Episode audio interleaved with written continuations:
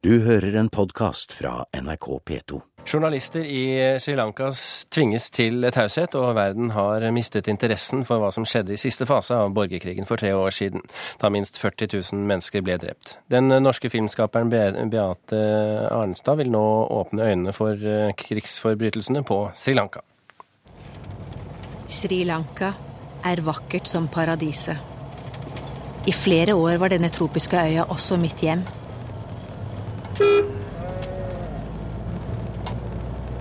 Men en forbannelse synes å hvile over landet. For en blodig, etnisk borgerkrig herjet øya i nesten 30 år. Nå er det fred. Men for mange er ikke krigen over.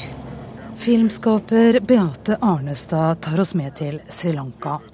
Kamuflert som turist oppsøker hun områdene nord på øya, der 40 000 mennesker ifølge FN, over 140 000 ifølge andre kilder, ble drept i løpet av de siste månedene av borgerkrigen for tre år siden. Stadig blir bilen stoppet ved militære checkpoints, og guiden ber Arnestad om å skjule kameraet sitt. Leirene med overlevende er stengt for besøk. Arnestad lykkes likevel å snakke med en mor og en sønn som ble hardt skadd under de siste krigshandlingene. Men det blir for vanskelig å jobbe på Sri Lanka, ikke minst siden filmen skal handle om journalister. Jeg må reise langt for å finne en journalist som vil snakke med meg. Mange lever i skjul, oppdager jeg, også i vestlige land. Sonali er en anerkjent journalist.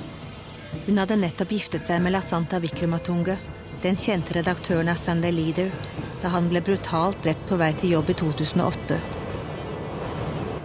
I frykt for sitt eget liv rømte hun. I dag jobber Sonali som journalist i eksil, og samler alt hun kan av informasjon om overgrep mot sivilbefolkningen i hjemlandet, og publiserer det.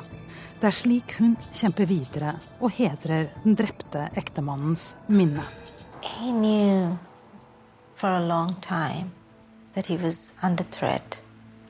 From what he was telling me during the last months before his death, that he felt the threat had just gotten a lot more serious. We had hardly unpacked our suitcases after the wedding.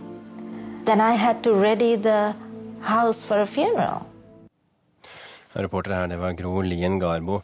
Beate Arnestad, hvor farlig er det å være journalist på Sri Lanka? Eh, det er fryktelig, fryktelig farlig.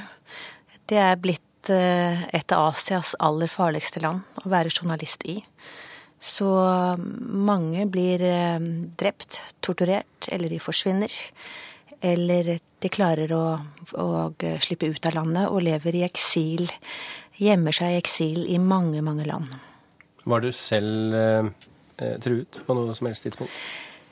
Nei, og det var jeg ikke så veldig redd for. For jeg tror at terskelen for oss å gå løs på meg, som da er, eh, er, har et norsk pass, er, er, noe helt annet. Så jeg var ikke redd for meg selv, men jeg var selvfølgelig redd for de som hjalp meg.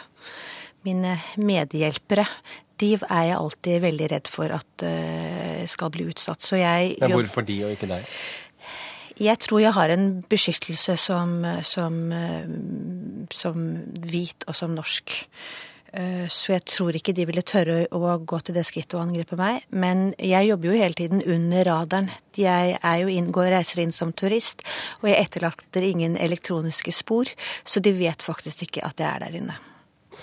Hvorfor har du ønsket å lage en dokumentarfilm om srilankesiske journalisters situasjon? Eh, det begynte vel litt annerledes fordi at jeg bodde selv eh, på Sri Lanka for en del år siden, hvor jeg laget en film som heter 'Min datter terroristen'. Og på den måten så fikk jeg et innblikk i, i konflikten. Eh, og jeg fikk et innblikk i hvor brutal den var. Og så jeg helt hele tiden fulgt med fra sidelinjen hva som skjedde under den siste fasen av krigen. Um, og hvis jeg skulle lage da, Så jeg har tenkt hele tiden på at jeg, måtte, at jeg ønsket å lage en dokumentarfilm om dette her, men jeg ønsket da å bruke, inn, altså bruke bruke inngangen via journalister i eksil og følge dem og deres, og deres liv og, og deres arbeid. Vi har altså med oss eh, Bashana Abay Vardanem, eh, journalist og forfatter fra Sri Lanka. Bor i eksil i Tyskland, leder eh, srilankesiske rettighetsgruppen Journalist for Democracy in Sri Lanka. Abay Vardanem, welcome to Kulturnytt. Thank you very much. Uh, you are one of the journalists portrayed in, in this film. How would you describe the situation for journalists from Sri Lanka trying to cover the situation in your country? Well, at the moment, if you look at the situation right now, uh, it's completely impossible to uh, do anything in Sri, Sri, Lanka, especially with regard to the uh, the atrocities that was committed uh, during the last stage of the war. So, because of that, uh, most of the work the journalists are involved are done from outside the country and not inside the country because uh, the price will be quite heavy. How how is the how is it how is the situation for for journalists in exile? Well, the exile journalists, I mean, the situation is uh, quite sad, I would say, because the thing is, I mean, uh, they are in a situation where they cannot practice the profession that they are used to do. At least for 10 to 15 years, they have been working as journalists, most of the exile journalists. And uh, so they are forced to uh, accept some other profession completely new to them uh, just to uh, go on living. So in that sense, I mean, apart from the limited work we are doing with the, the available time we have, most of the time they have to spend their time and uh, effort to completely external things which has nothing to do with journalism. But how is it possible for you to write anything journalistic based in Germany? Well, the thing is, I mean, uh, uh, I mean, even uh, during the uh, time the war ended, I was in Germany and I, I was uh, I, I, was able to write some things, and there was few publications who were willing to publish it. But now there's nothing like that anymore inside the country, and the only way we could express ourselves is through the online sources. If we decide to write to websites and similar kind of places. And so the only thing is that what we are doing is we are, at the moment we are doing a website and which will be uh, developed uh, to a proper kind of news website sooner. And so that is that is what we could do as I mean writers just to keep practicing our profession. The only thing we could do is to practice online journalism. So, what are your hopes for Beate, Beate Arnestad's film? What, what do you hope it will lead to? Well, one thing is, I mean, uh, the the plight of the uh, the exiled Sri Lankan journalists who were forced out of the country was one thing in the film, of course. But at the same time, it uh, the most important thing, as far as I can see, is the fact that uh, there's a quite a lot of effort to suppress the realities, what happened re- uh, during the wartime, and uh, to dig into it and to find out the reality, what are the underlying uh, realities in the conflict of Sri Lanka. So the film may open up a new platform to continue the discussion and to get the attention of the people who would concern about human rights and uh, especially about the Sri Lankan current politics. So that I think that the film would open up a, a platform for that purpose. Sverre Tam Radøy, journalist her i NRK og forfatter av boken 'Reiser på Sri Lanka Norges øy i tropene'. Hvorfor er ikke Sri Lanka godt stoff i norske medier? Nei, det er ikke godt stoff i, eh, i, i, noen særlig medier i det hele tatt. Eh, hvis du husker Gaza-krigen, som jo eh, utspant seg i 2008-2009, årsskiftet da, det var akkurat under opptrappingen av den verste perioden og avslutningen også av krigen på Sri Lanka. Da gikk tusenvis av gatene i, i Norge og demonstrerte mot det de mente var israelske overgrep. Eh, nordmenn gikk i gatene. Eh, da tamilene, de norske tamilene, som det er 10 14 15 000 av, gikk i gatene for å demonstrere mot uh, det fryktelige som skjedde på øya deres, ja, så var det ikke en eneste hvit nordmann å se i gatene i det hele tatt. Vi brydde oss ikke, eh, rett og slett. Men, men hvorfor? For det første så har ikke Sri Lanka olje eller atomvåpen. Eh, det var heller ikke fødestedet for noen av eh, de verdensreligionene som Midtøsten eh, har vært. Vi bryr ikke. Vi har ikke noe kollektiv skyldfølelse overfor Sri Lankas befolkning som vi har for jødene etter holocaust etc. etc. Det er en liten flekk i Det indiske hav.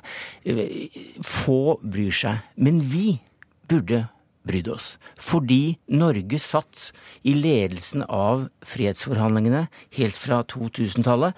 Og da vi eh, klarte å framforhandle en eh, våpenhvileavtale i 2002, så ble det feiret som en stor diplomatisk seier, og det var det også.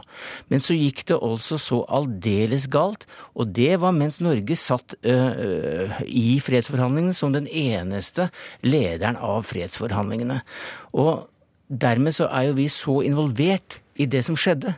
Og derfor burde vi jo bry oss. Og Så selvfølgelig og fordi at det er så mange som bor, av tamilene som bor her. Men er dette rett og slett da historien om Norge som fredsnasjon som feiler?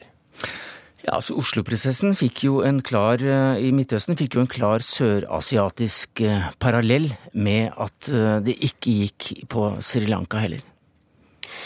Hva er det mest graverende ved situasjonen i landet akkurat nå, slik du ser det?